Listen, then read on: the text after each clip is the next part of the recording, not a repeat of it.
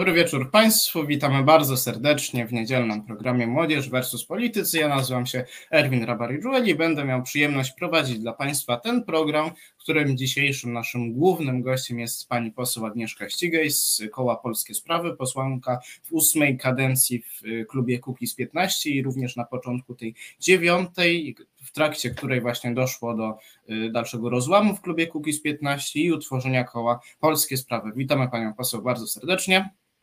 Dobry wieczór, witam serdecznie. A z panią poseł będą debatowali następujący członkowie młodzieżówek. Witamy Macieja Pomorskiego z Młodych dla Wolności. Dobry wieczór.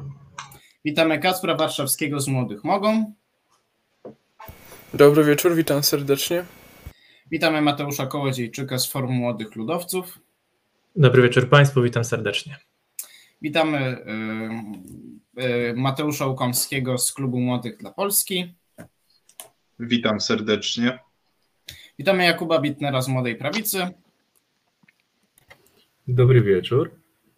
Witamy Ksawerego Krysiaka z Młodej Unii. Dobry wieczór. I witamy Helenę Latosińską z Młodej Lewicy. Tylko z Heleną mamy drobne problemy techniczne, ale Helena zapewne potem do nas dołączy. Szanowni Państwo, przechodzimy zatem do y, głównej części naszego programu. Każdy z uczestników będą dwie tury pytań. Każdy z uczestników zadaje jedno pytanie trwające maksymalnie półtorej minuty w każdej turze. Uczestnicy mają prawo do dwóch ad vocem trwających pół minuty w ciągu całego trwania programu. A zaczniemy od mojego pytania, które będzie dotyczyło no, kwestii obecnie wszędzie, że tak powiem, maglowanej i, że tak powiem, kulinarnie smażonej, jaką jest sprawa wiceministra sportu i turystyki Mejzy. Jak pani myśli, długo jeszcze będzie trwał ten, nazwijmy to, spektakl i sytuacja z panem wiceministrem, czy może ten urlop, na który ostatnio poszedł, jednak jest wstępem, jest zapowiedzią dymisji, czy jak pani zdaniem to się, ta sytuacja z panem wiceministrem Mejzą się będzie dalej układała?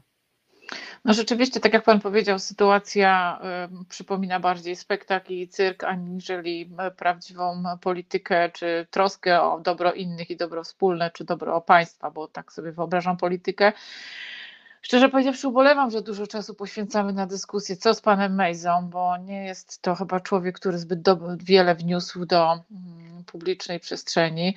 Nie wiem, co to jest y, urlop od obowiązków poselskich, ponieważ takiego jego formuły nie ma. Ja nie wiem, jak się będą czuć jego wyborcy, y, kiedy usłyszą, że mają posła reprezentanta w Sejmie, który się właśnie urlopuje od ich reprezentowania. To już troszkę sarkastycznie, ale cała ta sytuacja jest y, bardzo taka już naprawdę kuriozalna.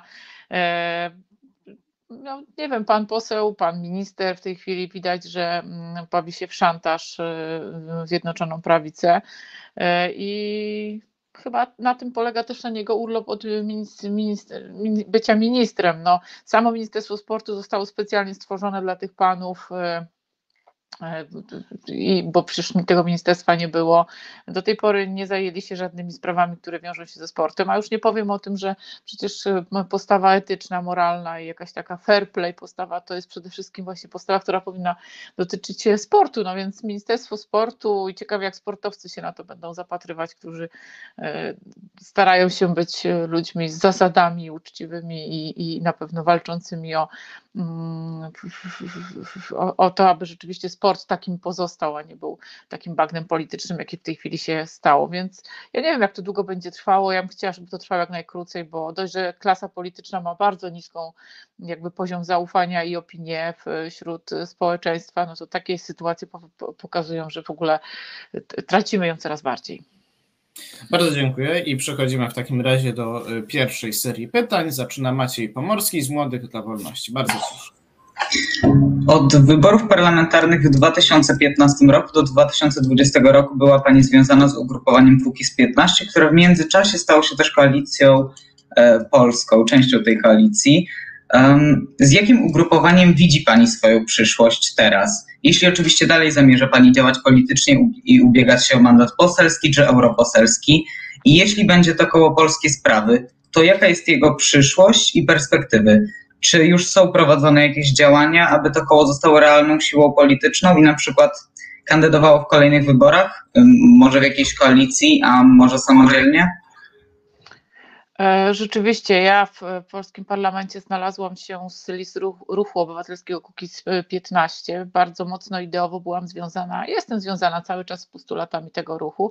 Dodam taką ciekawostkę, że nigdy nie należałam do żadnej partii politycznej, nawet do e, młodzieżówek. Byłam zawsze działaczką społeczną e, i, i tym, kto tam bardziej związany jest z sektorem pozarządowym. Zawsze też byłam orędownikiem tego, aby w polskiej polityce nie tylko znaleźli się politycy typowo politycy, tylko właśnie tacy ludzie, którzy no, po części zmieniają tą Polskę, czasem na, niżej, czasem na dole, czasem w samorządzie, ale mają naprawdę ogląd na prawo z praktycznego punktu widzenia, wiedzą jak ono funkcjonuje. Cieszę się, że pojawił się taki ruch obywatelski, który y, miał postulaty Mm, pozwalające właśnie bardziej włączyć się obywatelom i tak nadając im bardziej bierne prawo wyborcze, żeby mogli startować, a nie musieli wiązać się z listami. Niestety mm, e, no, ruch y, sam sobie nie przetrwał, natomiast idee są cały czas dalej e, ważne. Moim zdaniem sukcesem tego ruchu było to, że Polskie Stronnictwo Ludowe, tworząc koalicję polską, wzięło te e, postulaty w większości na swoje sztandary i cały czas je ma i cały czas sukcesywnie je realizuje, nawet składając projekty. E, przed tym, kiedy nie było ruchu Kukiz 15, nikt nie chciał mówić o sędziach pokoju albo o zmianie ordynacji wyborczej w polskim parlamencie. Teraz mamy sojuszników w postaci koalicji polskiej. Ja i polskie sprawy, czyli posłowie, którzy mm, znaleźliśmy się razem w tym kole, trochę z, na zasadzie buntu przeciwko tej brudnej polityce i temu, co się dzieje w polityce, i bardzo często też w, różnego, w różnych partiach. Y, I, i jakby niezgadzanie się na to y, psucie tego państwa, ale też z drugiej strony tworzą, koło Polskie Sprawy tworzą ludzie, którzy mają zdolność, umiejętność rozmawiania z każdym o e, potencjalnych zmianach i to nas cieszy, że blisko i dobrze prowadzi nam się rozmowy takie merytoryczne z Koalicją Polską, e, też udaje nam się e, wspólnie projekty składać e, z Polską 2050, e, Szymona Hołowni. Dobrze nam się współpracuje z posłami porozumienia Jarosława Gowina. Nie mamy problemów z rozmową o różnych sprawach merytorycznych, bo tak też widzimy politykę. Trochę jest tak, że mm, widzimy i wierzymy, że w polskim parlamencie mnóstwo jest takich polityków, którzy mają ochotę i chcieliby mm, pokazać, że rzeczywiście ta polityka może być inna, ale trochę brak im odwagi. Między innymi dlatego, że mm, tak jest system skonstruowany, że żeby istnieć w czynnej polityce, trzeba się kim, do kogoś większego dołączyć, tak? trzeba na jakieś listy się dostać, trzeba tam mieć dobre miejsce. Y, y, I, I każdy, kto chciałby się utrzymać w czynnej polityce, wie, że no, y, jakby czasem trzeba przygryźć język albo nie powiedzieć tego, co się chciałoby powiedzieć, czy tam pokazać swojego sprzeciwu, no bo nie będzie tego miejsca na, na listach. My mamy taką nadzieję, że tak jak może powiem takim sformułowaniem, jak kropla drąży skałę, że pojawi się coraz więcej odważniejszych polityków, dołączą do nas, a my budujemy ruch. W tej chwili powstało stowarzyszenie, które zarejestrowało wszystkie oddziały w Polsce. Mamy koordynatorów, mm, ludzi, którzy będą e, nam pomagać przy budowaniu struktury i myślimy o partii. Myślimy o partii również. Bardzo dziękuję. E, pytanie zadaje teraz Ksawery Krysiak z Młodej Unii. E, pani poseł, w e, programie tutaj w telewizji w Polsce spotkała się Pani z posłanką Anną Kwiecień i tutaj dyskusja była e, o ustawie o Izbie Dyscyplinarnej. Wielokrotnie Pani podkreślała, że na początku miała Pani nadzieję, że reformy sądownictwa no, osiągną lepszy efekt niż obecny na pewno. Chciałbym zapytać, czy z Pani tutaj punktu widzenia jako posłanki w, w tym sporze głównym prowodyrem tego sporu jest po prostu ugrupowanie Solidarna Polska i minister Ziobro, które pcha nas na kurs kolizyjny stricte z Unią Europejską. Czy taką główną szarą eminencją tego jest po prostu Zbigniew Ziobro ze swoim ugrupowaniem? Znaczy bez wątpienia mm, te popsute ustawy, które się pojawiło, było ich kilkanaście w trakcie tamtej tej kadencji, które miały naprawić wymiar sprawiedliwości, no są zasługą Solidarnej Polski, no bo to oni byli autorami mm, e, tych ustaw.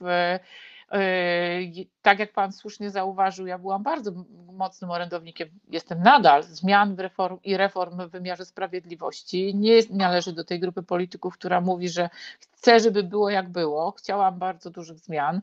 E, też się tak, e, też tak było w tamtej kadencji, że jako posłowie Kukiz 15 Mm, poparliśmy chyba dwie ustawy, które e, proponował Zbigniew Ziobro, między innymi, ale takie trochę ucywilizowane przez nas, bo mieliśmy takie poczucie to związane z e, KRS-em. Nie wiem, czy pan pamięta, ale pierwszy projekt ustawy pojawił się e, w, tak, w taki sposób, że zwykłą większością KRS można było wybierać zwykłą większością. Kukiz 15 złożył taką poprawkę, żeby to były trzy piąte, czyli trochę bardziej Mm, jakby wyciągając to spod jednej partii. No i ona została jakoś tam przyjęta. Myśmy z taką nadzieją, że być może pójdzie to w jakimś lepszym kierunku, poparli to. Ja teraz mogę powiedzieć, że to, no, to był błąd, dlatego że okazuje się, że żadnych reform nie przeprowadzono. W wymiarze sprawiedliwości jest gorzej niż było. I tak naprawdę chodziło tylko o wymianę z na naszych ludzi. I to nie jest reforma i jak się przekonujemy, e, do niczego dobrego nie doprowadzi. A tak jak Pan słusznie zauważył, poprowadziła nas tylko i wyłącznie do tego, że mamy konflikt e, z Unią Europejską, a w wymiarze sprawiedliwości jak było źle, tak jest źle e, i ludzie nadal nie są z niego zadowoleni, a do mojego biura cały czas napływają skargi w dużej części na wymiar sprawiedliwości. Więc jak widać, pomysły Pana ministra Ziobro absolutnie nie przybliżały nas do tego, na czym mi i ruch ruchowi Kukiz 15 zależało, mm, żeby rzeczywiście naprawić, zreformować wymiar sprawiedliwości nie tak, żeby dobrze się było, dobrze było rządzić określonej partii, tylko rzeczywiście, żeby obywatele mieli możliwość gdzie się udać ze swoimi problemami, więc tak uważam, tak jak pan stwierdził, że to jest wina po prostu bubli prawnych wytworzonych przez ministra Ziobro. No. Bardzo dziękuję. Zapraszam przedstawiciela Młodej Prawicy Jakuba Bitnera do zadania pytania.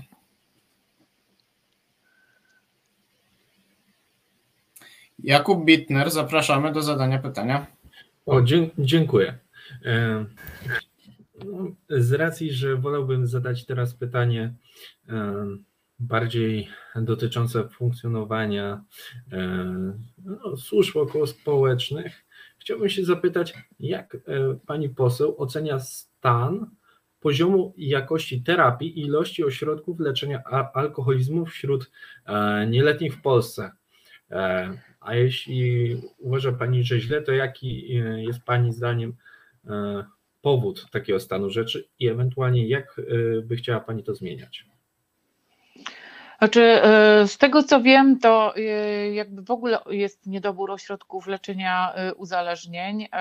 Ostatnie 2-3 lata w Sejmie trwały prace, a też w rządzie na tym, żeby e, mm, zlikwidować pewne instytucje i połączyć e, Państwową Agencję Rozwiązywania Problemów Alkoholowych i pełnomocnika do spraw chyba narkomanii w jeden, jakąś jedną instytucję, w jeden e, system, natomiast w ogóle nie skupiono się na tym, aby podnieść jakość leczenia odwykowego, zwiększyć tą możliwość, czy nawet choćby, tak jak Pan powiedział, stworzyć ośrodki wyspecjalizowane dla młodzieży, dlatego że to jest bardzo ważne, żeby młodych ludzi często nie łączyć e, w formach e, terapii mm, no, ze starszymi, bo, bo jakby akurat przy uzależnieniach to są już całkowicie mm, problemy, inne problemy mm, funkcjonalności osobowościowej. Ja nie jestem specjalistą terapii uzależnień, no ale jakby słusznie Pan zauważył, pracuję w systemie pomocy społecznej.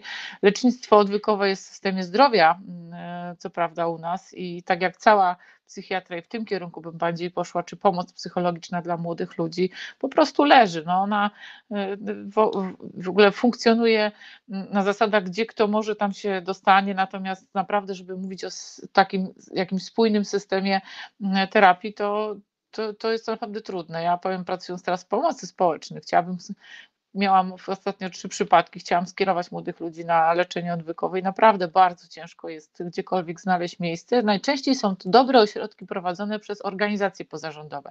I ja poszłabym w tym kierunku, ponieważ uważam, że organizacje pozarządowe wyspecjalizowane i posiadające fachowców powinny otrzymać środki finansowe, aby taką specjalistyczną e, terapię organizować. Powinny być im zlecane te zadania, bo jak widać Państwowa Służba Zdrowia już nie tylko, tylko w tym zakresie, ona kompletnie sobie z tym nie radzi, a politycy zajmują się głównie przetasowaniami personalnymi, bo przyznam szczerze, że w tych całych zmianach e, które zostały przeprowadzone przez, w ostatnim momencie, nie chodziło o nic innego jak stworzenie kolejnej instytucji dla kolejnych e, polityków, a cały system, który tam przez lata wolno był budowany, no on został wywrócony i znowu bez większych e, efektów. Więc poszłabym w kierunku organizacji pozarządowych, dania im środków finansowych na realizację tego zadania, bo myślę, że zrobią to z, dużo lepiej niż państwowe instytucje.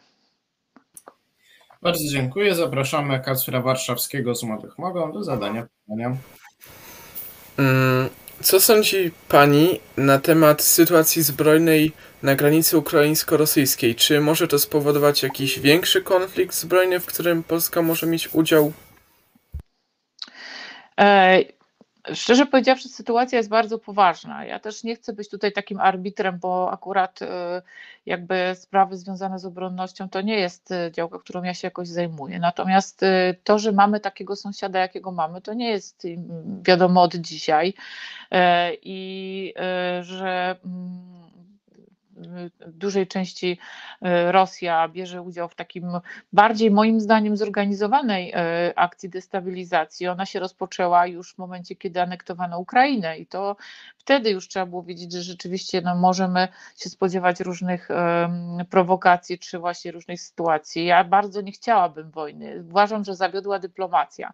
Tak powiem prosto nie musieliśmy wpychać Łukaszenki tak mocno w objęcia Putina. Mogliśmy rozmawiać, póki jeszcze był na to czas, e, próbować wprowadzać razem w porozumieniu z innymi krajami Unii Europejskiej mm, i, i, i jakby próbować prowadzić jakiś dialog. Ja wiem, że on jest trudny, no bo to jest dyktator, to z nim tak łatwo się nie rozmawia, natomiast jest naród białoruski e, i nie trzeba było się stawiać w pozycji od razu takiego konkretnego wroga, tylko próbować wzmacniać organizacje pozarządowe na Białorusi, a jednocześnie prowadząc gospodarczy i dyplomatyczny dialog e, z Łukaszenką. No niestety w tej chwili sytuacja wygląda bardzo groźnie.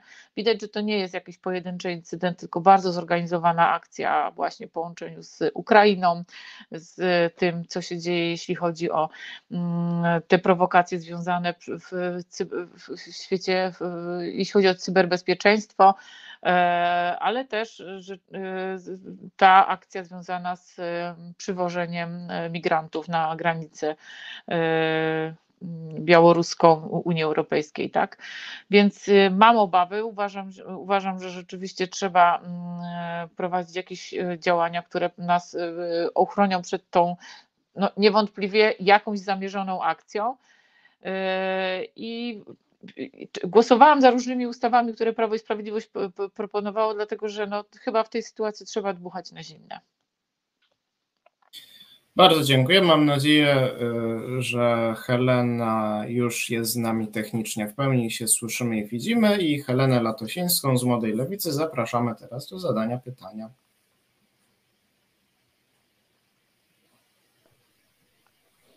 Tak, dzień dobry. E, moje dobry. pytanie brzmi, czy Pani zdaniem jest potrzeba oddzielenia państwa od kościoła? Jeżeli tak, jak miałoby to wyglądać?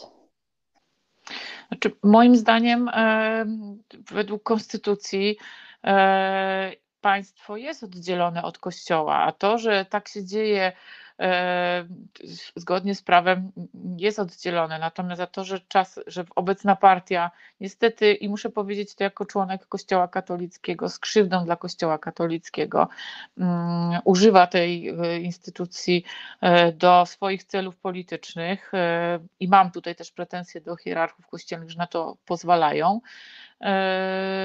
to nie jest jakby kwestia tego, czy to państwo jest już oddzielone, czy nie, tylko właśnie polityki uprawianej przez określoną partię. I tak jak podkreślam, dla mnie z dużą szkodą dla Kościoła, a już nie wspomnę o tym, że i dla państwa jest ten sojusz e, tronu z ołtarzem. E, widać to po, po tym, choćby nawet jak państwo, młodzi ludzie bardzo mocno odsuwają się od Kościoła i moim zdaniem Kościół, który przetrwał tyle lat i oparty jest na wartościach i nie był łączony nigdy z polityką, bardzo mocno na tym traci i tracą też ludzie na tym, którzy są częścią tego Kościoła bo ten Kościół to nie są hierarchowie kościelni, bardzo mocno się przy tym zbraniam, tylko to są ludzie, którzy tworzą e, wspólnotę e, wartości. E, I ja to jestem po prostu zła i uważam, że w tej kwestii należy bardzo wiele zrobić, naciskając również na polityków partii, ale też przede wszystkim na hierarchów kościelnych, bo robią krzywdę Kościołowi. Bardzo dziękuję. Mateusz Łukomski, Klub Młodych dla Polski.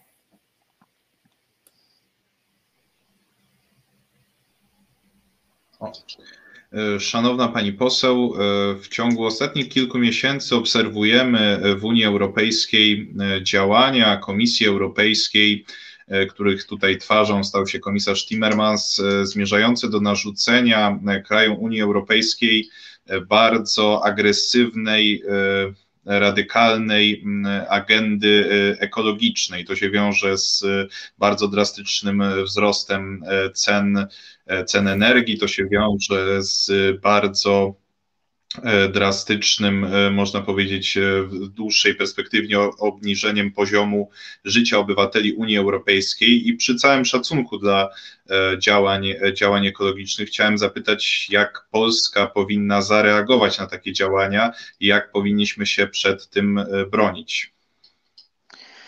Jeśli chodzi o podwyżki cen energii, ja upatruję trochę tutaj innej przyczyny niż tylko i wyłącznie polityka Unii Europejskiej. Ba, nawet sobie myślę tak, że przez politykę Unii Europejskiej, czyli to e, między innymi, którego, której częścią, elementem jest ha, handel e, pakietami emisyjnymi, to Polska zaprzepaściła wiele szans, żeby poprawić swoją sytuację energetyczną. Mówiąc o tym prosto, 30 czy 40 miliardów, ja w tej chwili dokładnie nie pamiętam na jakim poziomie był dochód z sprzedaży tych pakietów, powinny pójść w modernizację sieci energetycznej. Nie poszło, ale te pieniądze zostały zwyczajnie przejedzone. Te pieniądze nie trafiały do Unii Europejskiej.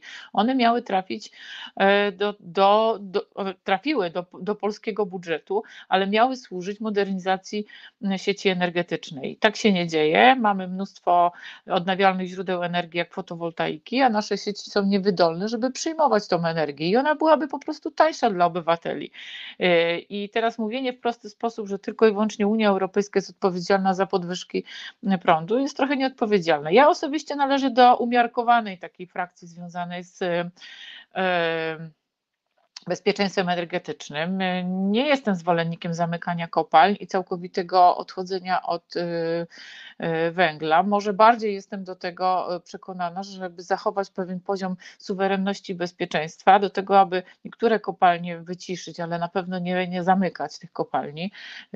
Powiem wprost, no, uważam za głupotę zasypywanie szybów kopalnianych i całkowite bezpowrotne mm, jakby niszczenie kopalni, bo nigdy nie wiemy, co się wydarzy. Patrząc jeszcze na naszego sąsiada wschodniego i to uzależnienie Europy od y, tej energii, no to tak jak w przypadku y, y, działań ze wschodem, uważam, że bezpiecznie byłoby mm, jakby trzymać tylko nasze kopalnie i tą, tą jakby suwerenność energetyczną. Natomiast yy, uważam, że ekologia jest bardzo ważna. Powinniśmy się włączyć w działania, które Unia Europejska proponuje, natomiast trzymać własną suwerenność i mieć yy, możliwość zabezpieczenia się. Bardzo dziękuję. Autor pytania zgłosił adwocem. Bardzo proszę, pół minuty.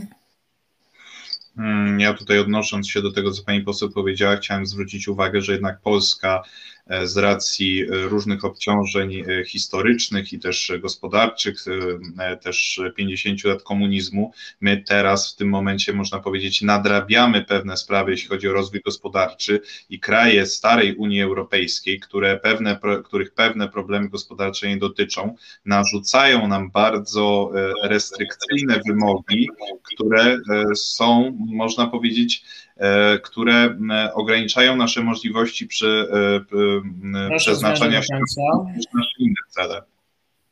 Dziękuję. Dla Pani poseł e, może jeszcze pozwolimy na drugi adwocem, który zgłosił Jakub Bitner i Pani by wtedy łącznie odpowiedziała. Więc bardzo proszę pół minuty dla Jakuba Bitnera również. Hmm. Jak niektórzy mniej więcej wiemy, są dwie postawy w przypadku E, podejścia proekologicznego. No, tak zwany ekologizm za wszelką cenę, który e, niespecjalnie zważa na trudności wynikające podczas procesów przemian, ale także jest ekologizm, ekologia polegająca na stopniowej, umiarkowanej przemianie z, z zadbaniem o to, aby nikt nie został pokrzywdzony. Jak nie mam E, Proszę zmierzać Pani do końca. Poseł jest bliżej do takiego podejścia, tak? Tak, krótko mówiąc, do zrównoważonego rozwoju społeczno-gospodarczego, czyli z zachowaniem bezpieczeństwa y, i gospodarczego, i życiowego obywateli, wprowadzenie zmian, które rzeczywiście będą służyły rozwiązaniom ekologicznym. E, ja, jakby dyskusja o ekologii bardzo często toczy się wokół tylko i wyłącznie powietrza, natomiast ja widzę, że to jest czasem tak, jakbyśmy zaklinali rzeczywistość. Ja jestem y, osobą, która wielokrotnie w Sejmie podnosiła y, temat temat związany z wysypiskami, ze śmieciami, gospodarką odpadową. Naprawdę od sześciu lat obserwuję, że jest coraz gorzej. Jakby w tej kwestii nic nie robi. To nas płyną tony śmieci z y, innych krajów, y, nie tylko z Unii Europejskiej, ale po prostu z całego świata. Jest każdego roku coraz więcej tych śmieci. My mamy fatalny system, system y, recyklingowy i odbiorek, więc ja naprawdę mówię, dlaczego tylko i wyłącznie wokół tego rozmawiamy, kiedy rzeczywiście i gleba, i woda, i, i wszystko, co się z tym wiąże, mm, w naszych środowiskach życia po prostu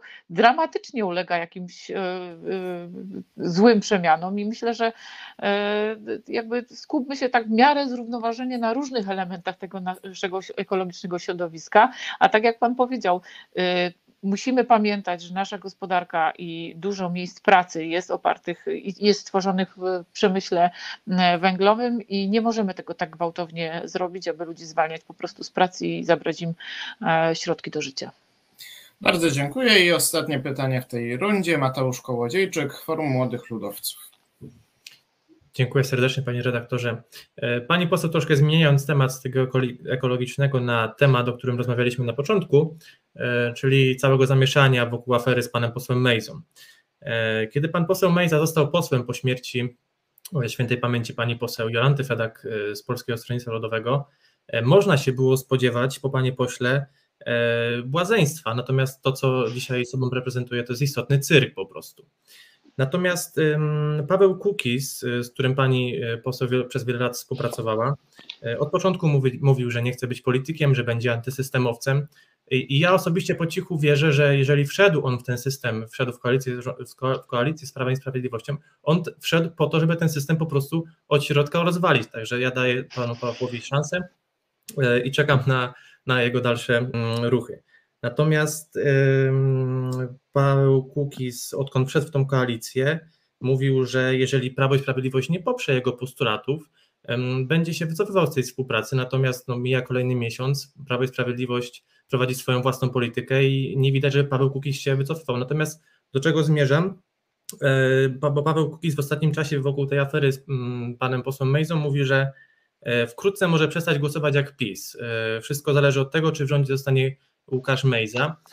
No, gdyby Paweł Kukiz zerwał koalicję z prawem, cichą koalicję z prawem, prawem i Sprawiedliwością, no, mm, Jarosław Kaczyński miałby ogromny problem, ponieważ straciłby wtedy większość rządzącą. Czy pani poseł zdaniem możemy, powinniśmy brać słowa Pawła Kukiza o zakończeniu ewentualnej współpracy na poważnie, czy to są tylko pogróżki um, i puste słowa?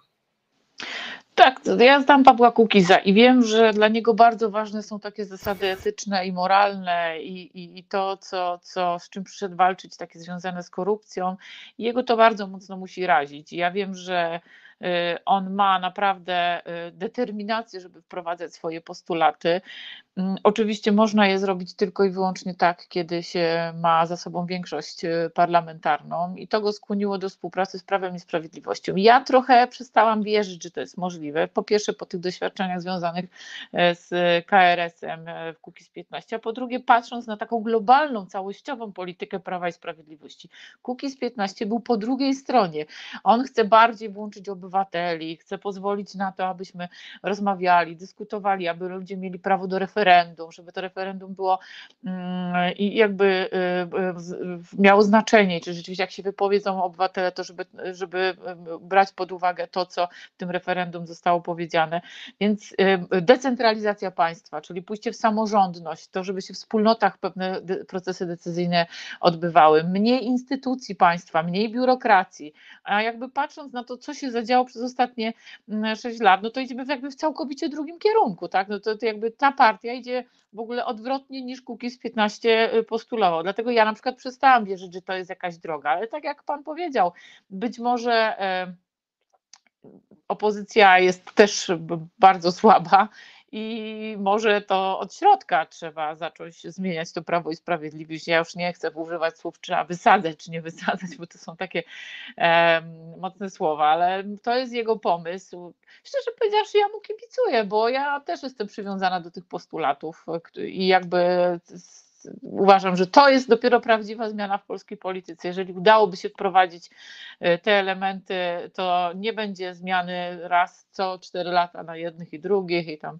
układanki, tylko rzeczywiście do polityki wejdą młodzi ludzie, wejdą ludzie, którzy są niezwiązani co do tej pory z polityką, ze świeżym spojrzeniem, z nową e, perspektywą. E, dlatego kibicuję mu. I, i, I tylko kończę tyle, że ja ja wierzę w to, że bo Paweł jest czasem nieobliczalny i naprawdę coś się czasem mm, spodziewamy, że on będzie cały czas trwał w, te, w, tym wszystkim, jak Prawo i Sprawiedliwość po prostu przestanie to realizować, to on po prostu to odejdzie, przestanie głosować. Bardzo dziękuję. Adwocem zgłosił jeszcze do tej tury Mateusz Łukomski dla Polski. Bardzo proszę. Ja mam e, pytanie do e, pana z Forum Młodych Ludowców, który e, tutaj mówił o pewnych standardach w polityce. Kiedy popierany przez was pan marszałek Tomasz Grodzki zrzeknie się immunitetów w sprawie, jak wiemy, zarzutów prokuratorskich? No PSL szczególnie ma dużo do powiedzenia, mając kilku. Jeżeli mogę, panie redaktorze. Bardzo proszę, tak. E, może kolega, e, mój imiennik z, ze Stowarzyszenia dla Polski, nie wie, no my jesteśmy w, w Senacie, tworzymy koalicję senacką, natomiast pan marszałek Tomasz Grodzki jest z Platformy Obywatelskiej.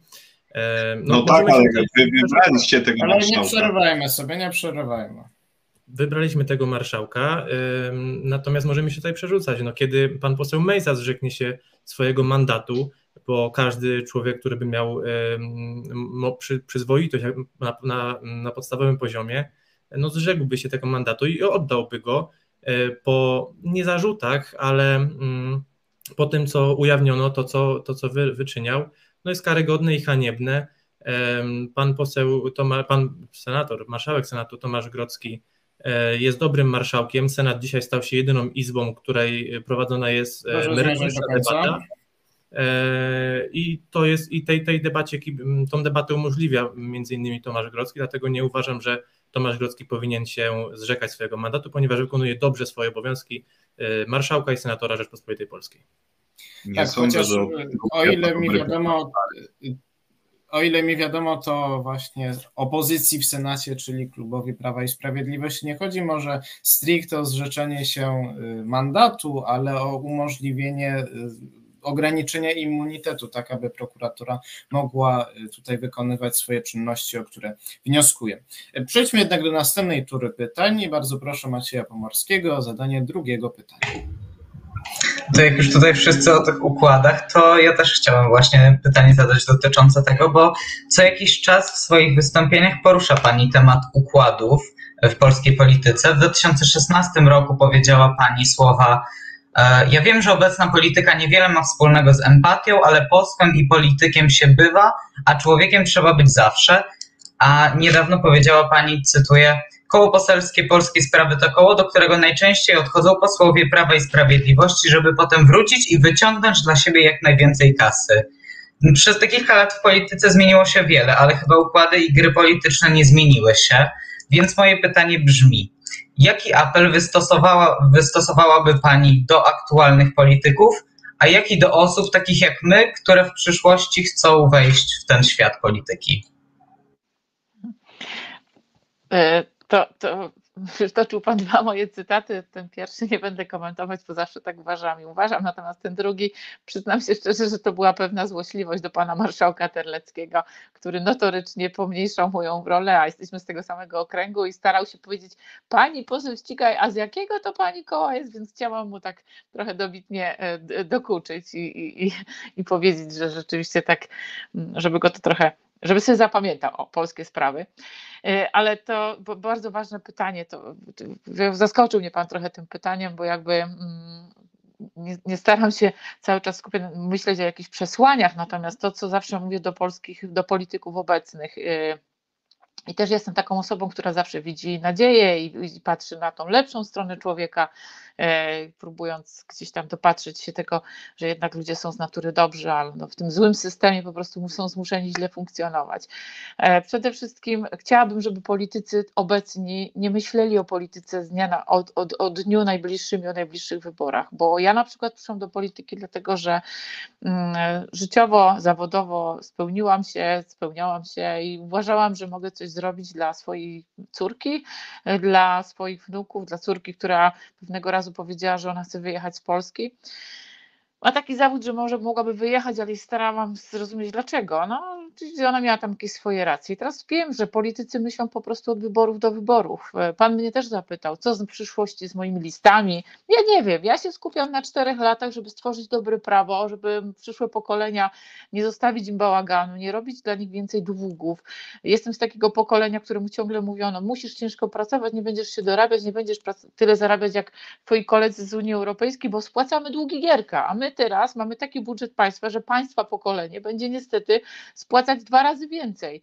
E, więc ja tym jestem szczerze powiedziawszy załamana, bo to było moim celem, że ja myślałam, że jak pójdę tworzyć prawo, to z taką perspektywą 15-20 lat, żeby właśnie nowe młode pokolenia wchodziły w lepszą Polskę, w lepszą, bardziej większy, z większymi szansami. Niestety e, jest obecna polityka jest taka tylko gdzie ja będę na listach, już trzeba myśleć w połowie kadencji i co mi da i będę mówił to, co, co da mi możliwość e, zaistnienia. To, to jest dla mnie dramat. Dla Państwa właśnie patrząc na, na Was młodych, to chciałabym powiedzieć, e, że wy już myślcie o następnych pokoleniach, jeżeli chcecie być w polityce. Myślcie o tym, jakie warunki stworzyć waszym już dzieciom, dlatego że tak powinna być, każdy polityk powinien następnym pokoleniom zostawiać po prostu lepszą Polskę, y, a nie z większymi problemami, długami i, i większym bałaganem. Bardzo dziękuję. Ksawery Krysiak, Młoda Unia. E, pani poseł, Jeśli chodzi tutaj o Pani próby zmieniania prawa, to nawet znam jeden z bardziej namacalnych projektów, które Pani próbowała złożyć. Chodzi tutaj o likwidację instytucji w polskim prawie cywilnym, jak ubezwłasnowolnienie. Niestety projekt został odrzucony dwukrotnie. Bara. To pani, z czego y, Pani podkreśliła tutaj na Twitterze, że z obietnicą od y, tutaj Prawa i Sprawiedliwości, że złożą lepszy. Ja mam stricte takie pytanie, bo e, przesłankami do ubezwłasnowolnienia jest choroba psychiczna, rozwój umysłowy albo innego rodzaju zaburzenia psychiczne, alkoholizm, narkomania, tam ustawodawca wymienił mm, jeszcze jakieś chyba, ale nie pamiętam. E, jak generalnie Pani się zapatruje na te instytucje? Czy sądzi Pani, że e, powinna ona zostać zreformowana, czy kompletnie usunięta z kodeksu cywilnego? Nie, ona przede wszystkim w Polsce jest e, nadużywana. Nadużywana jest w stosunku do osób niepełnosprawnych intelektualnie w dużej części. I to e, jakby te, te, te przesłanki, które Pan wymienił, one mo, mo, moje projekty y, obydwa zakładały dwa cele. Przede wszystkim ograniczenie tej instytucji i po to, żeby osoby niepełnosprawne intelektualnie w różnym stopniu, żeby zaprowadzić do, mm, do dentysty, nie trzeba było jej ubezwłasnowolniać, czyli jednocześnie zabronić jej zawarcia związku małżeńskiego, głosowania, zabronić jej udziału w y, życiu publicznym, czyli kompletnie, czy możliwości pracy, e, czy, czy współdecydowania, czy chce być w ośrodku, czy chce być na przykład z opiekunem, czy z asystentem. E, I to jest bardzo mocno nadużywane, dlatego że nie mamy żadnej instytucji, która na przykład właśnie w tych wyrywkowych sytuacjach, kiedy ktoś, kto jest, ma troszeczkę ograniczoną e, e, sprawność intelektualną, no jest na przykład ma lęk paniczny tak, przed lekarzem, no nie jest w stanie. I wtedy mamy opiekuna medycznego, ja od razu taką zmianę proponowałam, czyli osobę, która będzie współdecydować za te zabiegi, natomiast w innych kwestiach będzie ta osoba mogła sama o sobie decydować. I y, składałam rzeczywiście dwukrotnie taki projekt. Ten projekt był poparty przez 150 organizacji pomagającym osobom niepełnosprawnym intelektualnie w kodeksie, który mówi o przesłankach, jest przede wszystkim to jest po prostu bardzo tak y, słowo mi uciekło. Chodzi mi o to, że e, bardzo źle nazywa się osoby niepełnosprawne intelektualnie. Tam jest chyba e, sformułowanie upośledzenia chyba tak umysłowe, albo jakieś takie coś, co, tak, co już na świecie nie funkcjonuje tak, co jest, na świecie nie funkcjonuje, więc tak naprawdę chodziło o to, żeby też niepełnosprawność intelektualną nazwać właśnie taką niepełnosprawnością. I y, za każdym razem Prawo i Sprawiedliwość chwaliło ten projekt. Mówiło, że tak, że to trzeba zrobić, bo rzeczywiście są takie wytyczne i to jest przecież też wynika z, z, z, z zaleceń i, i Rzecznika Praw Obywatelskich, a też Unii Europejskiej, z ONZ, które mocno na to wskazywało. Natomiast mówią tak, że tam są oczywiście jakieś błędy związane z E, prawem, no to ja prosiłam w takim razie, to poprawcie te błędy, skoro są jakieś błędy związane z dostosowaniem do polskiego prawa. I mówię, tak, to my oczywiście tym się zajmiemy, ale się tym nie zajęli przez tyle lat, dlatego że akurat to nie są ich wyborcy, bo to są 40-60 tysięcy ludzi, e, których e, się ubezwłasnowolnia i lepiej, żeby im nie chodzili do wyborów, nie głosowali. Bardzo dziękuję. Adwocem zgłosił Maciej Pomorski, Młodzi dla Wolności. Bardzo prosimy. Wspomniała Pani, że w Polsce ubezwłasnowolnienie jest nadużywane, ale przecież nie można zapomnieć o głośnej ostatnio sytuacji medialnej, gdzie w Ameryce zaczęto zmieniać prawo e, właśnie w sprawie ubezwłasnowolnienia po wygranej przez Britney Spears batalii sądowej właśnie w tej sprawie. Um, szkoda, że u nas rząd nie widzi za bardzo problemów w tym temacie, a chyba powinien. Tak, to, to, oczywiście to, to, co ja powiedziałam, no wszyscy rządowi to pokazują, bo, bo to ki, po prostu z każdych y, apeli każdej instytucji i unijnej i ONZ-u wynika, że rzeczywiście y, taka ta instytucja jest nadużywana w Polsce, no ale tak jak mówię, no wszystkim rządzi polityka, słupki i to jest jakby ważna sprawa dla ludzi, którzy nie są i nie dają dużego, zbyt dużego mm, poparcia w wyborach, więc tym się po prostu nie warto zajmować ze strony y, Prawa i Sprawiedliwości. Tak myślę przynajmniej. Bardzo dziękuję. Jakub Bitner, Młoda Prawica.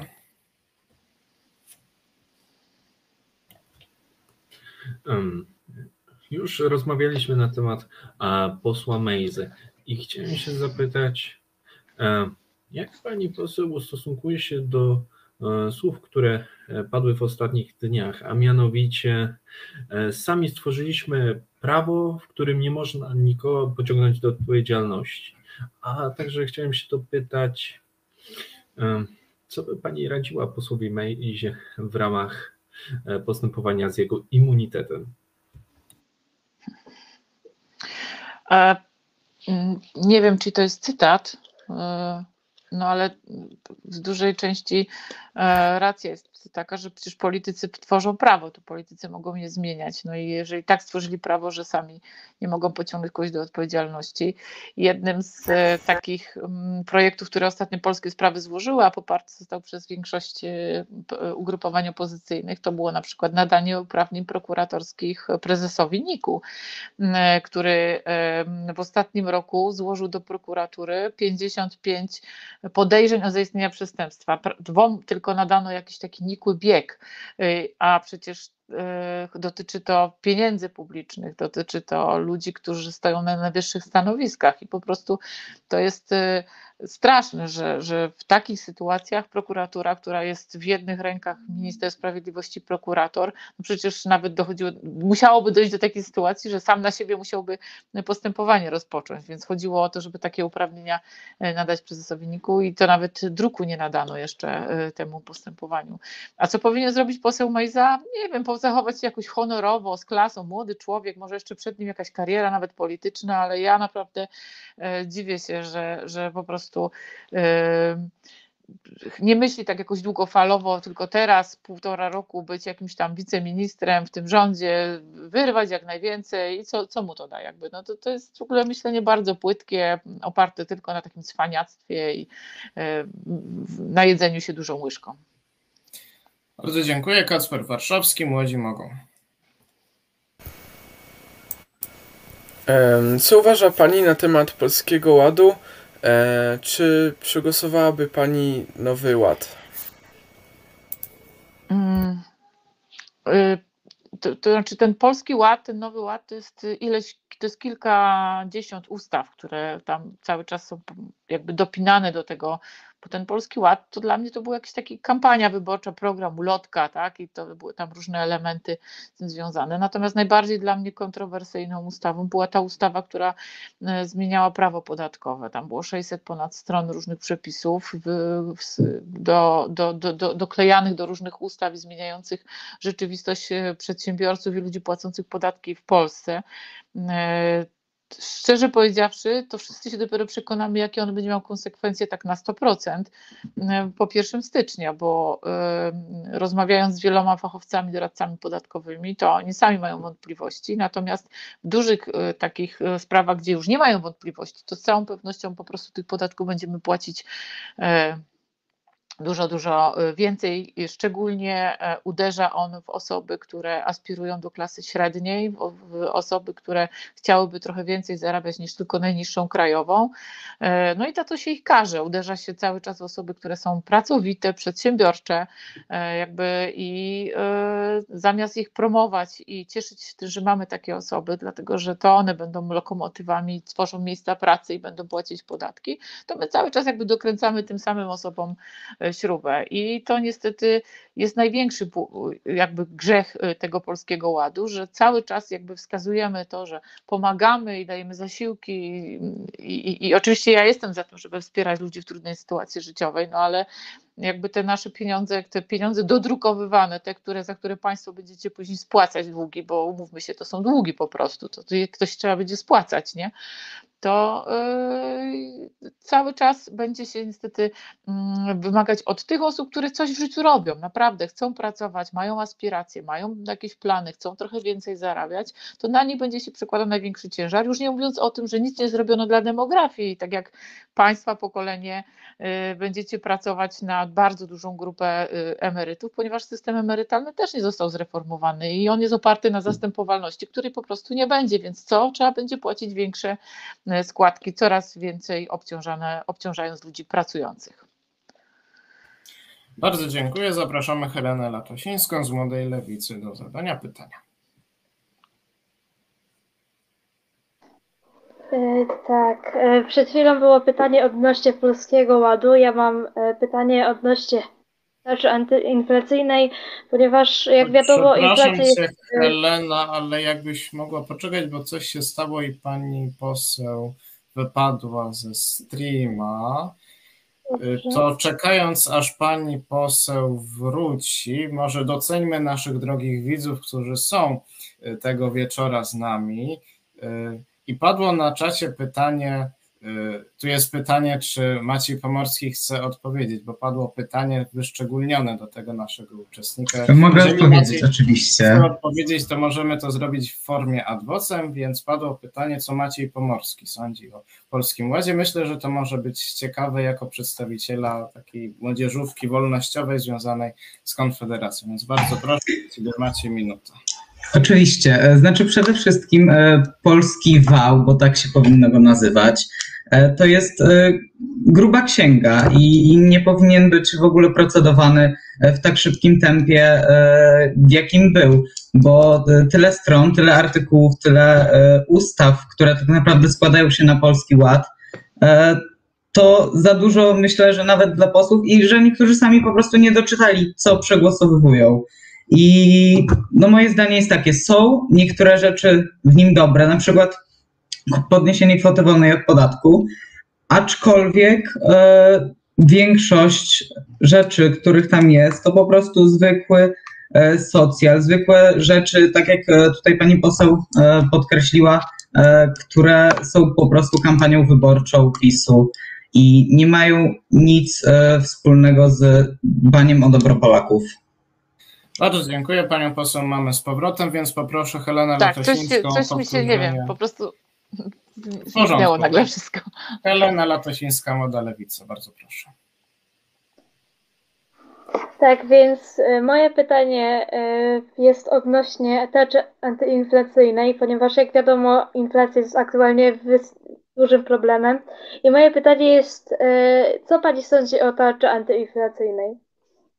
Zanim Czy po pani pierwsze- poseł odpowie, chciałbym tylko krótko przypomnieć pozostałym uczestnikom, którzy jeszcze nie wykorzystali, że macie do dyspozycji w sumie dwa adwocem, więc jak ktoś jeszcze nie korzystał, a ma ochotę, to do tego zachęcam. Pani poseł, bardzo proszę. Po pierwsze, y, rozwiązania w tej całej tarczy antyinflacyjnej to są krótkoterminowe, a duże ceny zostaną z nami na zawsze, więc to jest tylko krótkoterminowe jakieś działanie, które no być może pozwoli na to, żeby w świętach, y, przy świętach, przy świątecznym stole ludzie nie mówili, jak jest to drogo, a jest drogo. Więc to nie jest żadne rozwiązanie, tylko doraźne jakieś tam y, działanie. Doda- Dodatki energetyczne, wszystko, co się wiąże z takim jednorazowym wsparciem, to są jakieś pieniądze, które tak naprawdę wpłyną znowu w rynek i one pod, podciągną z powrotem inflację. One jeszcze bardziej dołożą te, po prostu inflacji.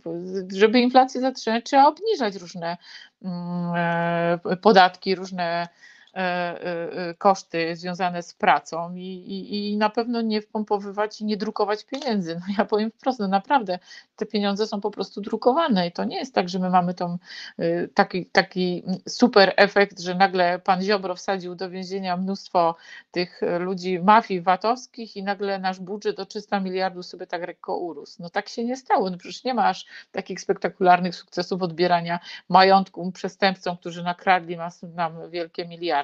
Te pieniądze po prostu są drukowane. Oczywiście była pandemia i tak naprawdę one gdzieś tam było, to, to było tym jakby uzasadnione. Natomiast każde pieniądze wpompowane w takie sztucznie i wydrukowane w rynek, one będą nakręcać inflację. E, I e, jakby ten pakiet jest chwilowy, jest doraźny. E, Oczywiście z punktu widzenia gospodarstwa dom, domowego, dla którego 400 zł jest e, ważne, na przykład na dodatek energetyczny, no to, to ja to rozumiem, no jest to ważne, ale mamy system m, wspierania dodatkami energetycznymi najuboższych, mamy system pomocy społecznej. Po co robić nowe programy, kiedy wystarczyłoby e, wykorzystać to, co jest? Tak? No to są takie programy, że się po prostu coś robi, ale to, to, to żadnego skutku, jeśli chodzi o inflację, nie przyniesie. No to jest takie coś, jakby, jakby ktoś był chory, e, choroba postępowała, ale tak naprawdę łykamy chwilowo tabletkę przeciwbólową. No, na chwilę się dobrze poczujemy, no ale to, czy zniknie nam choroba? No nie do końca. Bardzo dziękuję. Zgłoszone zostały dwa adwocem, więc je również łącznie potraktujemy, chyba że są skierowane do różnych uczestników. Ksawery Krysiak, Młoda Unia. E, Tutaj było raczej do prze- e, tutaj przemowy naszego mm, tutaj współdebatującego z MDW. Bardziej takie dodanie, że ogólnie w polskim parlamencie jest procedowane około 20 tysięcy aktów prawnych e, rocznie, co jest nie tylko dla doradców podatkowych, tak nawiązując do wypowiedzi pani poseł, ale również dla radców prawnych czy prokuratorów dość dużym problemem. I w zasadzie taka sugestia, żebyśmy się chyba musieli zastanowić nad limitem dla pa- parlamentu, żeby te ustawy nie przychodziły w takim tempie, w takiej ilości w ciągu jednego roku, bo przy w przypadku Polskiego Ładu choćby i zmian podatkowych, no to, to po prostu Proszę nawet końca. nie rady. Bardzo dziękuję. Czy Maciej Pomorski chce się jakoś odnieść? Znaczy ja tylko powiem, że nawet według amerykańskich, w ogóle zagranicznych firm inwestujących w Polsce, polskie prawo podatkowe jest jednym z najtrudniejszych, z jakim em, muszą się zmierzyć. I to jest bardzo przykre i ono zmienia się po prostu szybciej niż pogoda. To jest bez sensu. Ja, ja dołożę, dziękuję. jeżeli mogę od siebie, bo tam Proszę bardzo. jeden wątek się pojawił, czy posłowie zostaną przeczytani. Ja panu powiem, przez 6 lat posłowie w ogóle nie znają ustaw, którymi głosują. To są takie pojedyncze, bo to nie o to chodzi, że są tak głupi, przepraszam, ale po prostu fizycznie jest to niemożliwe, żeby w ciągu trzech dni um, skonsultować prawo podatkowe o objętości 600 stron. Choćby nie wiem, jaki to był geniuszem, po prostu tego nie jest w stanie zrobić, więc maszynka do głosowania, polski parlament, nie jest tak zepsutym miejscem, że naprawdę to prawo no po prostu jest bublowate, dlatego że tak jest tworzone. Bardzo dziękuję. Adwocem również zgłosił Kacper Warszawski. Młodzi mogą. Bardzo proszę, pół minuty. Mm, ja mam pytanie do pani poseł, a mianowicie powiedziała pani o tym, żeby były niskie podatki w Polsce i o tym, że mamy problem demograficzny i że no co jak co, ale większość będzie emerytów, bardzo dużo będzie emerytów, e, czy też rencistów e, za te około 15-20 lat, przez co trzeba będzie płacić większe podatki, więc e, ja mam takie jedno pytanie, jak pani by chciała e, zreformować system emerytalny w Polsce? Znaczy na pewno y, trzeba zmienić jakby sposób myślenia o systemie emerytalnym i funkcjonalnie, czyli całkowicie przejść z zastępowalności na możliwość, znaczy całkowicie się nie da zrobić tego naraz, od razu, dlatego że no, mamy całą masę emerytów i oni już jakby myśleli, że odkładali na swoje emerytury, ale tak naprawdę oni na nie nie odkładali, tylko polegają na tych, co teraz płacą jakby y, te ZUSy, więc całkowicie się tego nie da, ale trzeba rozpocząć reformę przynajmniej dla tych ludzi, którzy wchodzą na rynek pracy, żeby oni już mieli jakąś perspektywę i mieli możliwość własnego, jakiejś własnej mm, wypracowania własnej emerytury, czyli część tego, co wypracowują, płacili to oczywiście do tej mm, wspólnej kasy. E, trochę ta koncepcja emerytur obywatelskich jest e, z temu zbliżona, ale drugą część już mieli możliwość naprawdę odkładania na swoją emeryturę. E, ja otwarte fundusze emerytalne to był moment, kiedy jak ja wchodziłam na rynek pracy, zostałam zmuszona do tych funduszy. Wiele lat składałam, dostawałam informacje, że ja tam tyle już mam, tak, odłożone, resztę płacę. No niestety przecież jednym ruchem, najpierw jeden rząd, potem drugi rząd zabrali i stwierdzili, że to jednak nie były moje pieniądze, tylko ich pieniądze, bo się przydają. Więc to po prostu nie, nie mówię o takiej reformie i oszustwie, tylko naprawdę o myśleniu takim, żeby państwo trochę odkładali na własną emeryturę. Tak też myślę o służbie zdrowia, że z jednej strony wiadomo, że solidarnie musimy płacić na służbę zdrowia, bo mm, jakąś pulę, jakąś składkę, niech ona nawet będzie wyższa, ale to, co już jest ponad to, czyli ktoś jest pracowitszy, nie wiem, potrafi więcej zarobić, powinniśmy możliwość prywatnego ubezpieczenia i finansowania sobie tego y, leczenia w drodze prywatnej, bo i tak dużej części ludzie, którzy pracują i zarabiają, chodzą do prywatnej służby zdrowia, bo nie mają czasu na publiczną i stanie w tych kolejkach y, na, tym. Więc w taki sposób przejście stopniowe, ale na pewno z takim zabezpieczeniem, że państwo część tych składek będzie odkładać dodatkowo na swoją emeryturę. Już tak, przepraszam, to faktycznie się. Bardzo dziękuję.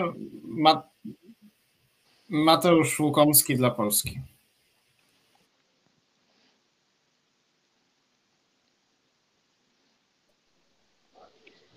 Dziękuję, e, dziękuję bardzo. E, szanowna Pani poseł, ja mam pytanie do Pani. Mateuszu, bardzo od...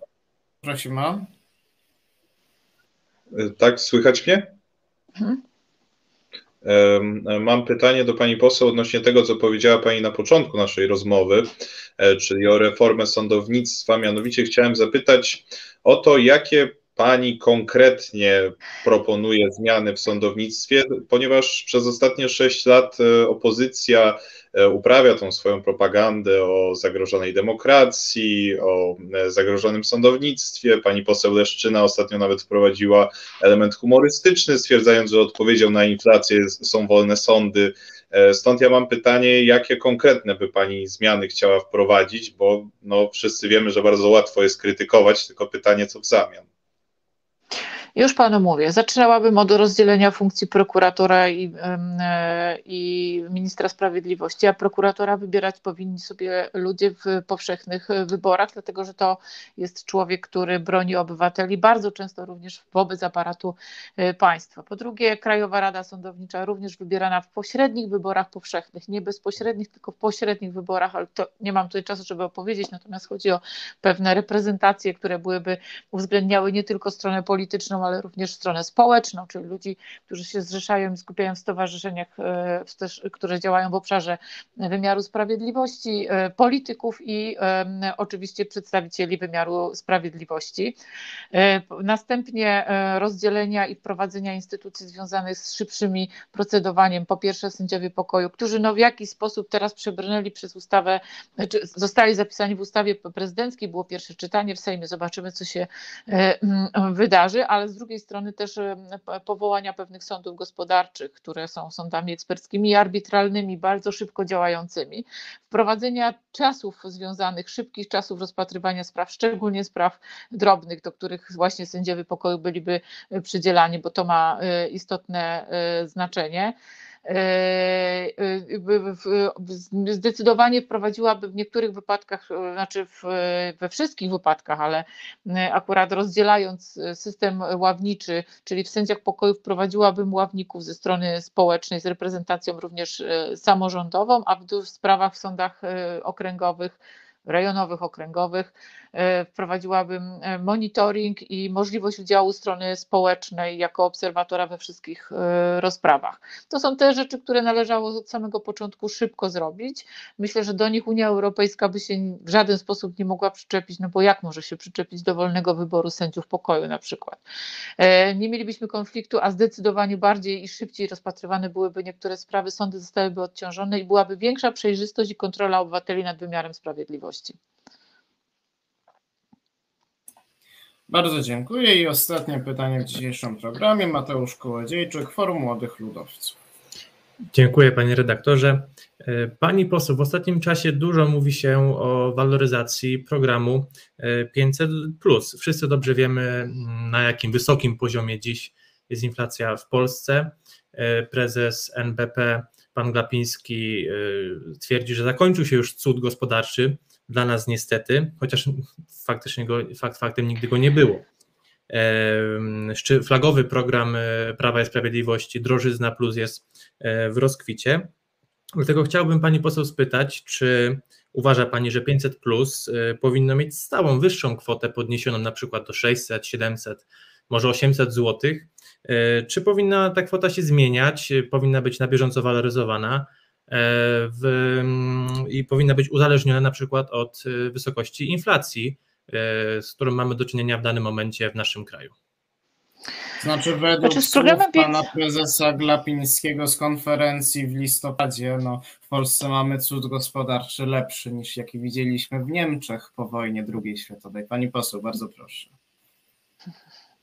Z programem 500 Plus y, jest kilka problemów. Nie, żebym była przeciwna temu programowi, o samej idei, ale ja przypomnę, że to miał być program prodemograficzny, czyli miał nam y, spowodować to, że młodzi ludzie będą mieć więcej dzieci. E, niestety tak się nie stało. Ja od początku byłam zwolennikiem, jeżeli mówimy o poprawie sytuacji rodzin, w których wychowywane są dzieci, to mówmy, że to jest program socjalny i pomóżmy takim rodzinom, bo rzeczywiście ubóstwo wobec dzieci było bardzo duże e, i to ubóstwo pewnym sensie, jeśli chodzi o rodziny z dziećmi, zostało mm, zdecydowanie zmniejszone, a nawet w niektórych przypadkach mogłabym powiedzieć zlikwidowane. Natomiast wzrosło nam ubóstwo niestety innych grup e, społecznych, takie jak osoby starsze czy osoby niepełnosprawne. I tutaj mm, ta zasada solidarności niestety też nie działa. Jeśli chodzi o to, no, to na logikę, jeżeli jest inflacja, jeżeli mielibyśmy pomagać rodzinom, które są dzieci, no to powinno być to świadczenie waloryzowane, no tak jak na przykład jest w tej chwili waloryzowane świadczenie e, z pomocy społecznej. O jakieś e, takie wskaźniki, które są miarodajne, jak wzrasta nam najniższa pensja, to można by było liczyć procentowo. Różne takie mechanizmy, które stale będą to waloryzować. No bo wiemy, że 500 plus już w tej chwili ma wartość, nie wiem, 350 czy 360 zł, to już nie jest to 500 e, plus. Ale e, e, ja byłam zwolennikiem tego, aby rzeczywiście już nie wprowadzać tych wszystkich 500 plus, 300 plus i robić z tego cały czas jakieś programy E, takie, które dają możliwość zaistnienia kolejny raz, że coś tam rozdajemy, tylko naprawić politykę prorodzinną. Mamy świadczenie wychowawcze, ujednolicić definicję rodziny, wprowadzić stały system, który pozwoli młodym ludziom zaplanować swoją rodzinę i wiedzieć, że mają takie, a nie inne przychody, mają tyle dzieci. Y, ci, którzy mają więcej dzieci w obecnym systemie zastępowalności emerytalnej, no to oni wykonują dla nas wszystkich poważną pracę. Ja się z tym zgadzam, bo jakby y, ktoś podejmuje decyzję, że nie ma dzieci, ale później na jego emeryturę będą pracować y, dzieci, które, sąsiadki, która ma czwórkę czy piątkę, no to jest normalne, że powinna się więcej podatku płacić w przypadku, kiedy się tych dzieci nie ma, tak, w takim systemie. Natomiast y, ten system, szczerze powiedziawszy, on, on nie spełnił swojej roli, a tak naprawdę no, w tej chwili nawet tej roli socjalnej się w tej chwili nie wywiązuje, no bo jest to za mało pieniędzy, żeby utrzymać dziecko. Bardzo dziękuję i jeszcze zgłoszono trzy adwocem. Helena Latosińska, pół minuty, bardzo proszę. Powiedziała Pani, że 500 Plus miało na początku y, funkcję prorodzinną, a i tej funkcji nie spełniło. Y, oczywiście ja się tu zgadza, z tym zgadzam, ale teraz mam do Pani pytanie, jakie byłyby dla tego alternatywy, które by mogły zadziałać? Znaczy, po pierwsze, tak jak powiedziałam, system świadczeń wychowawczych oparty o jakieś realne wskaźniki. Po drugie, no, y, nie rozumiem czasem tej filozofii teraz wynikło to też w Polskim Ładzie, że będziemy dopłacać czy pomagać rodzinom, które decydują się na czwarte dziecko na przykład, czy dawać większe ulgi podatkowe, ponieważ poważny problem mamy z decyzją o pierwszym dziecku i tak naprawdę dzietności nam spada poprzez to, że młode kobiety e, coraz bardziej wydłużają czas, czy młode rodziny, pierwszego dziecka, więc dlaczego tylko i wyłącznie skupiamy się na trzecim i czwartym, czym gorsze jest to pierwsze, które tak naprawdę czeka na swoją możliwość przyjścia na świat, no przepraszam, że tak powiem, ale E, więc stworzyć kobietom przede wszystkim system usług, czy system wsparcia mm, i w godzeniu ról w jednej strony wychowawczej, a Proszę zmierzać do końca. Mm, zawodowe i system związany z mieszkaniami, no bo to przecież nie trzeba wyważać żadnych drzwi. Ludzie młodzi o tym mówią. Matki, kobiety mówią o tych e, e, rzeczach, co jest im potrzebne, żeby było, żeby miały dzieci i miały poczucie bezpieczeństwa macierzyństwa. Dziękuję. Ksawery Krysiak, Młoda Unia, pół minuty, proszę. E, tutaj nawiązując do, do poprzedniej wypowiedzi, tutaj rozwinęła Pani temat. E, otóż tutaj ze względu na to, że system emerytalny, na system emerytalny, na naszą emeryturę musi pracować kilka pokoleń i taka uwaga z mojej strony, że płatnik składek e, generalnie, kiedy je odciąga, raczej odciąga je w celu odłożenia emerytury stricte dla siebie, E, niż myśląc o tym pokoleniu, które jest utrzymywane, to jest troszeczkę. Bardzo e, dziękuję. Bardzo dziękuję, Proszę. Nie, no, znaczy ja, ja nie, nie wiem, czy ja dobrze zrozumiałam pytanie, bo system zastępowalności polega na tym, że my płacamy do jednego worka, czyli w tej chwili do ZUS-u, pieniądze. My oczywiście z takim przy, wirtualnym zaksięgowaniem, czyli wiemy, że tyle sobie tam już odłożyliśmy, ale tak naprawdę z tych pieniędzy płacone są obecne emerytury. Nie są one odkładane, czyli nie są jakby, nie pracują, nie są inwestowane na, na przyszłe nasze emerytury, tylko musimy utrzymywać obecnych e, emerytów. Zakładamy, że też będą dzieci w przyszłym pokoleniu i też ktoś utrzyma nasze mm, jakby emerytury, ale wiemy, że ten system się może zawalić, dlatego że no, jest coraz mniej młodych ludzi, czyli coraz mniej ludzi aktywnych na rynku w stosunku do tych, którzy są nieaktywni na rynku. Y, I dlatego też uważam, że trzeba pomóc y, i rozdzielić część. Z jednej strony utrzymywać tych, co są, a z drugiej strony pozwolić realnie odkładać na swoją przyszłą emeryturę, kiedy tych dzieci już tyle nie będzie, czyli tych osób pracujących tyle nie będzie co teraz. To już zmierzyłam. E, bardzo dziękuję i Jakub Bitner, Młoda Prawica.